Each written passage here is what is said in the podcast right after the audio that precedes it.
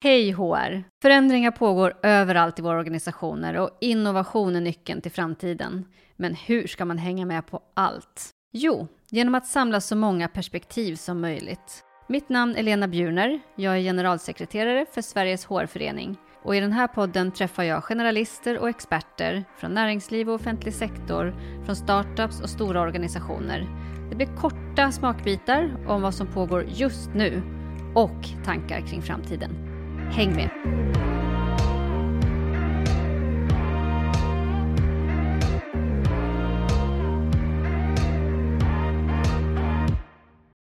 Hej HR och hej Anna Gertz Skablova och hej välkommen hit! Hej Lena!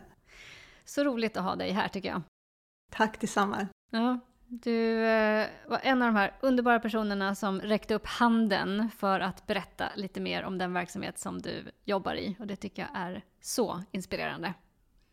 Så jätteroligt att ha dig här och eh, du kanske kan börja till och med att berätta, var, eh, var är det du arbetar någonstans? Mm.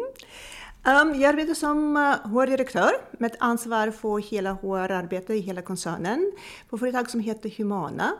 Vi är ett av Nordens ledande omsorgsbolag. Så vi jobbar med personlig assistans och faktiskt vi är största i Sverige när det gäller personlig assistans. Vi ger stöd till barn, unga, vuxna och familjer.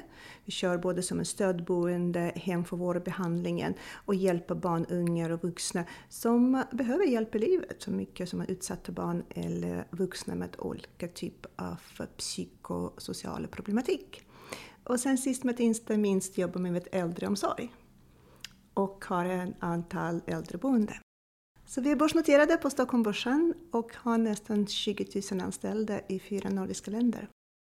Det är ett enormt stort bolag, ja. kan man säga. Mm. I en mycket viktig bransch också. Verkligen. Och eh, som har fått mycket ljus på sig också nu under pandemin. Ja. Men vi kommer säkert tillbaka till det, tänker jag. Om du har lyssnat på det här eh, programmet eller den här podden några gånger tidigare så vet du att du blir utsatt för en fråga från spelet Bästa snacket innan vi sätter igång. Ja. Härligt. Eh, det har varit mycket kring poliser och bovar och sådär, så jag hoppas det blir en annan fråga den här gången. Men det vet man aldrig. Eh, då ska vi se. Vad skulle du vilja lära dig mer om? Vilket ämne kan du riktigt mycket om? Um, jag kan mycket om språk. Jag är språkvetare i botten. Wow. Så jag kan mycket om engelska och uh, flera andra språk och litteratur. Och jag vill lära mig mer hur språket är kopplat till andra ämnen och andra områden. Och jag faktiskt just nu um, kör en som en helt på min som en fritid en gratiskurs i neurolingvistik. Wow, mycket imponerande. Ja, så det är lite min som en favorit, eller intresseområde. Mm. Och då om man skulle länka det lite över till, eh, till det jobb som du gör, hur mycket språk behövs eh, hos er på Humana? Du, språk är viktigt. Språk är också en del av varje persons eh, identitet. Språk är också viktigt i kommunikation. Språk är också viktigt för oss att förstå hur vi förstår varandra. Um, också språk är viktigt med våra kunder. Tänka på att uh, vi jobbar med uh, kunder som kan inte prata eller kan inte uttrycka sig. Hur kommunicerar man då? Mm. Um, så språk är enormt viktigt, både som en verktyg, som um, kommunikationskanal, också ett sätt att uttrycka oss och ett sätt att förstå varandra. Väldigt väl formulerat tycker jag. Och jag kan verkligen tänka mig det att i det jobb som du har och ni har, att språk blir en otroligt viktig del eh, för att man ska nå varandra, precis som du säger. Och även de som inte har ett, ett eh, språk, talande språk.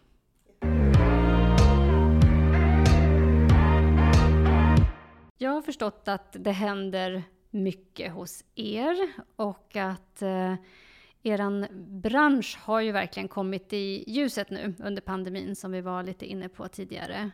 Hur, eh, hur skulle du beskriva er vardag? Vardag för våra medarbetare är mycket nära kunden. eller klient eller brukare, man ofta använder som en olika ord. Men det är personer som eh, behöver våra tjänster. Det är också personer, vi, våra medarbetare är en del av deras liv. Behöver man personlig assistans, jobbar man med personlig assistent och man har en person hemma hos sig, som ibland blir som en del av livet. Jobbar man till exempel som behandlingsassistent på hem för vård och behandlingen för barn, då det är som en flera unga som bor där under en viss period. Och igen som att man är där med dem 7-24. Man är en del av deras liv och deras vardag. Och det kan också vara att man är en del av deras liv under en längre period. Eller kanske för resten av livet. Det är samma som om jobbar man med äldre. Jag har pratat med en av våra medarbetare och um, jag skulle aldrig glömma vad hon sa till mig. Så att det är en ära att vara med en person i slutet av livet. Och det är också som ett sätt att uttrycka. Så, uh, det är en eh, vardag för medarbetare som har valt att göra vad de gör. Mm. Och det är också fantastiskt att vi har medarbetare som har kommit till oss av sin vilja att göra någonting annat för andra människor. Mm. Tydligt högre syfte kan man ja. se där. Ja. Absolut. Och eh, hur påverkar det här HR-avdelningen eh, som du leder? Hur, eh, hur tänker ni? Jag tänker det som är viktigt för oss på HR, att just en förståelse, vad är det som vi skapar värde? Vilka i vår som verksamhet som skapar värde? Och det är de medarbetare som träffar kund. Så för oss på HR, den viktigaste är att se till att vi skapar förutsättningar få medarbetare att göra deras bästa. Att det är egentligen den som de vill. Och, eh, och så vill vi också formulera våra arbete. Vad vill vi fokusera på som faktiskt skapar de förutsättningarna? Hur kan vi stödja cheferna som cheferna i sin tur kan stödja medarbetare i deras vardag? Och vad gör ni för att hjälpa till med detta? Det är några fokusområden som vi har, bland så många saker som vi gör. En är att um, i vår bransch arbetsmiljö är extremt viktig. Och det är också när vi gjorde undersökningen bland våra medarbetare, de, och speciellt eh, bland personliga assistenter, de har också sagt att eh, fysisk arbetsmiljö är den som är en av de viktigaste parametrarna för dem när de väljer arbetsgivare. Det är ett jobb som är tufft, både fysiskt, psykiskt och mentalt. Så arbetsmiljöfrågor, det är inte bara någonting som Arbetsmiljöverket kräver eller vi måste göra enligt lag. För oss det är A och Ö. Mm. Och tänk så här att vi har nästan 2 500 arbetsplatser. Wow! Ja, så vi har inte bara kontor, vi har olika verksamhet. Vi har som en LSS-boende, vi har hem för vård och behandling, vi har äldreboende. Men också pratar man personlig assistans. Och vi har 1900 kunder. Så 1900 hem är arbetsplats. Mm. Så för oss är arbetsmiljö extremt, extremt viktig. Nummer två är att um, vi alla vet att uh, chefen är viktig. Ofta som hur vardagen ser ut, hur bra du trivs på företag påverkas mycket av hur bra eller dålig chef du har.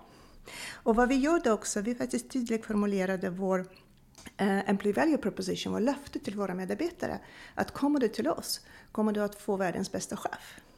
Så för oss på HR, också hos ledningen, det betyder att vi måste satsa på chefer för att leverera på den löfte. Sen också vi är företag som är känt för vår värdegrund och också för vårt strukturerat värdegrundsarbete. Så vi har våra värdegrundord som är eh, ansvar, engagemang och glädje. Och den som är viktig, ansvar, engagemang och glädje. glädje. Mm, härligt. Och den som är viktig är att just glädje är den som vi satsar mest på. Mm. Att vi också känner att ansvar och engagemang kommer mycket naturligt från att, som, man, som jag sagt, medarbetare har valt att göra vad de gör. Mm. Men att hur skapar man glädje varje dag i ett miljö eller i ett arbete som är tufft?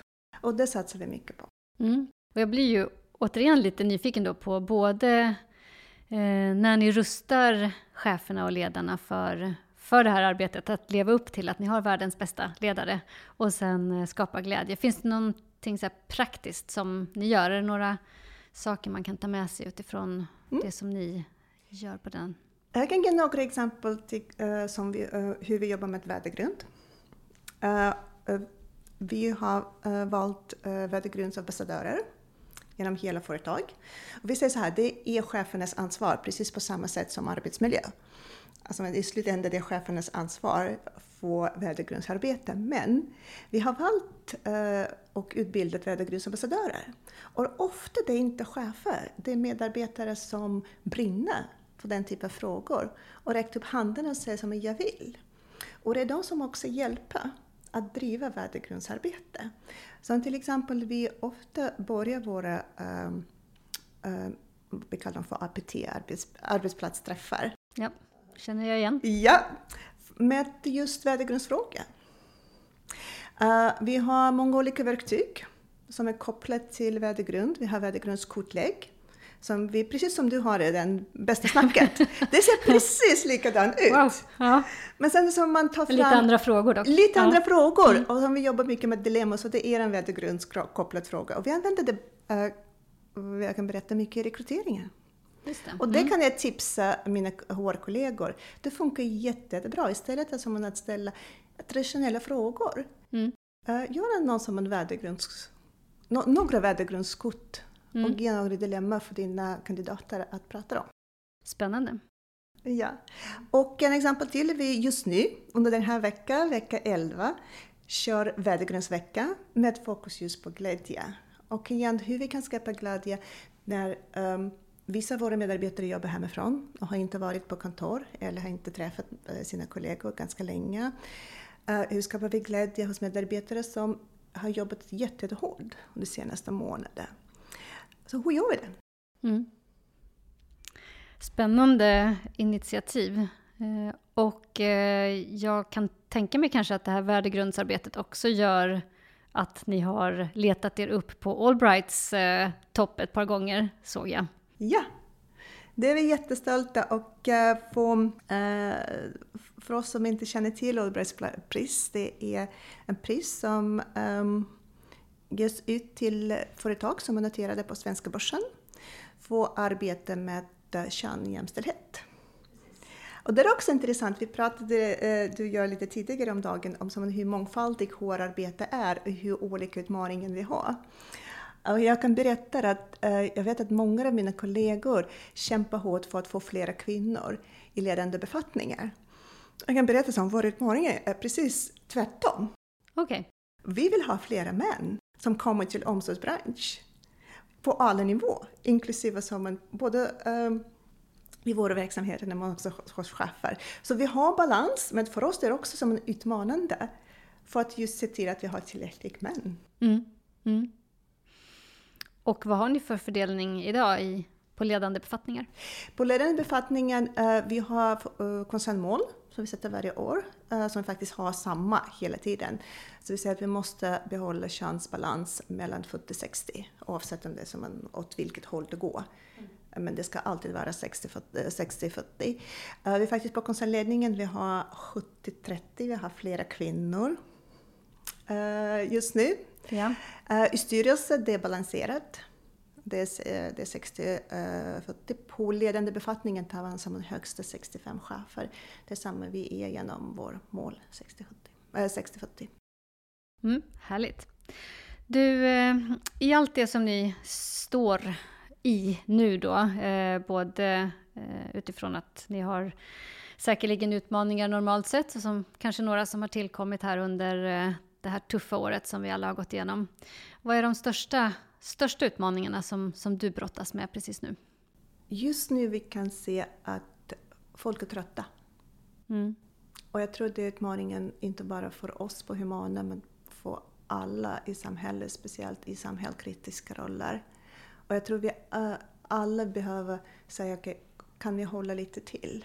Mm. Det är den frågan vet, släppa, som kommer släppa, hela tiden. Släppa mm. inte. Och jag tror det är den som är att hitta den motivation få våra medarbetare att säga som lite till. Så man, det kommer att bli bättre, så man håller lite till. Och samtidigt som man fortsätter göra allt som vi gör. Och det är också viktigt att det, det har varit jättemycket under coronatiden.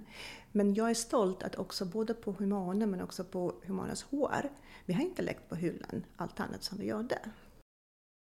Och det vi kan också säga är att den investeringen som vi gjorde faktiskt att hålla oss till strategiska frågor, till utvecklingen, till investeringen, till implementering, till våra projekt. Även om ibland det blev lite, gick lite långsammare. Eh, det betalar tillbaka nu. Mm, mm. Och jag tänker på det du sa om att, eh, att orka lite till. Jag förstår att det är en tuff eh, utmaning och som ni inte är ensamma om, som sagt. Eh, skulle säga samhället lite generellt, men vissa grupper som har varit extra utsatta eh, ännu mer så. Har du några tips kring hur ni jobbar med just det? Mm. Det var en som jag har redan eh, berättat, att släppa inte arbetet med värdegrund. Och för oss det var viktigt, så vi försatt hela tiden under coronatiden, vi jobbade med vår värdegrund, vi försatt med vårt arbete. Och eh, det, det hjälper medarbetare, det verkligen, verkligen hjälper. Nummer två är att um, uh, igen satsa på arbetsmiljö. Och vet, har ni medarbetare som jobbar hemifrån, satsa på deras arbetsmiljö. Och glöm inte att arbetsmiljö inte bara fysiskt, det är också som psykiskt och socialt och mentalt. Um, har ni medarbetare som är ute i samhället, uh, nära kunder, ta hand om dem. Så släpp inte den. Um, och uh, nummer tre är att uh, ledarskapet och kommunikation är viktigt. Och det är ingenting nytt som jag kommer att säga just nu, men just som en kontinuerlig kommunikation mellan chefen och medarbetare. Det är den som är viktig. Och sen finns det absolut frågor som vi måste jobba med det som stöd till bemanningen, stöd till rekryteringen, stöd till alla våra processer. Mm. Det är mer vår hygienfaktor. Ser du några möjligheter nu framåt? Vi, förhoppningsvis så är vi ändå på väg ut ur, eh, eh, oklart hur snabbt, men i alla fall förhoppningsvis på väg ut ur pandemin. Hur, eh, hur ser du framåt? Ser du några möjligheter i det? Ja, jag tycker att den pandemiperiod har varit också en mycket lärande period för oss allihopa. Och eh, vi kontinuerligt också följer med våra ledare, våra chefer. Just okej, okay, vad vi har lärt oss, vad är våra lärdomar, vad kan vi som man, eh, vad tar vi med oss när vi går vidare? Och en som för mig var uh, viktig också, att just den att skala av saker. Att förstå att men, det finns saker som om vi inte gör händer ingenting. Nej, jag vet. och, och, jag älskar att, ställa, att man ska ställa sig den frågan. Ja, mm. och ofta, ni vet, ofta vi har olika seminarium eller webbinarium med uh, team säger vad ska vi sluta göra? Mm. Och ofta är det den svåraste frågan. Den svåraste av den alla. Den svåraste av alla frågor, mm. vad ska vi sluta göra? Mm. Och det här året bara visade svart på vitt, de här sakerna, om vi inte gör dem händer ingenting. Nej. Och det var som en mycket upplysande upplevelse måste, måste jag säga. Nummer två är um, att jobba mycket över, uh, över gränser. Samarbete. Det är det som hjälpte oss mycket. Vi delade på resurser, vi jobbade som en HR-team trots att vi sitter i olika affärsområden. Uh, olika affärsområden. Uh, vi också jobbade mycket och nätverkade mycket med andra bolag. Ja, vad bra. Mm. Ja, och det, är, det hjälpte oss, det hjälpte dem. Jag kan också berätta som när pandemin började och den första våg av permitteringen kom. Vi var igen som en helt tvärtom situation. Vi hade enorm rekryteringsbehov. Så vad vi gjorde är att vi tog direkt kontakt med Nordic Choice Hotels, med SAS, med Elite Hotels och försökte som att öppna direkt vägar för permitterade medarbetare på de företag och som man matcha dem med de som jobb som, som, vi hade, som vi hade hos oss. Mm. Um, vi nätverkade mycket med branschkollegor. Igen, hur kan vi tillsammans lösa den stora fråga som är mm. mycket bredare än bara som en, ett företag, en bransch och mm. till och med ett land. De där innovationerna tycker jag är otroligt, otroligt, otroligt inspirerande. Jag mycket har ju sagts om SAS och Sofia Hemmet och, och den slussningen, men det fanns så många andra sådana initiativ också, som ja. just det du beskriver, som kanske inte har hörts lika mycket om, men det är ju otroligt spännande. Ja, och det ger mycket. Ja. Så jag skulle säga så här, sluta inte nätverka under hårda tiden, till och med tvärtom. Mm. Det är där som du kan få hjälp, inspiration och uh, eh, ibland problemlösningen också. Ja men exakt, och lösa det för människor. Ja. Där jobben försvann så, så kunde det uppstå jobb någon annanstans och med vissa insatser så kunde man hjälpa människor att slussas över.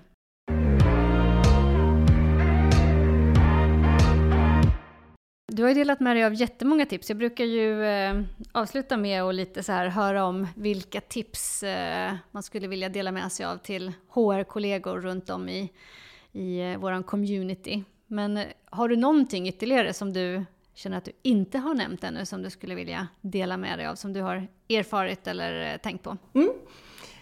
Kanske en till som jag tycker personligen är jätteviktig och som igen hjälpte oss mycket under den som en, eh, pandemitiden. Och det är så här att vi som jobbar på HR, och jag säger alla vi som jobbar på HR, måste kunna våra verksamheter. Förstå verksamheten, förstå hur vi skapar värde, hur våra affärsmodeller funkar, träffa slutkunder. Um, besöka verksamheter hela tiden. Och det är det som vi gör, som vi hela tiden är ute. Så um, vi pratar med cheferna, vi pratar med medarbetare, men också vad är viktigt, vi träffar slutkund.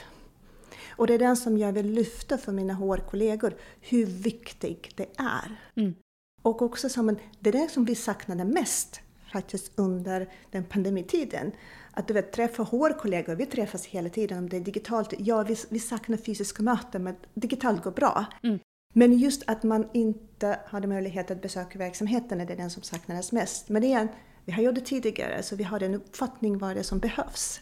Så det är min största tips till mina kollegor och till oss allihopa. Ja, sätt dig in i verksamheten, slutkund. dig in i verksamheten och det är överraskande inspirerande. Det är där som man får energi och inspiration. Mm, jag håller kunskap. jättemycket med om det. Ja, Ja.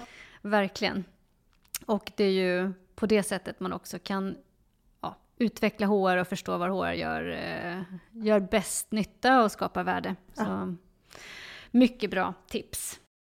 Innan jag eh, låter dig försvinna iväg här så skulle jag också gärna vilja veta för dig och för en organisation som den som du representerar och jobbar i, hur kan Sveriges HR-förening då skapa värde?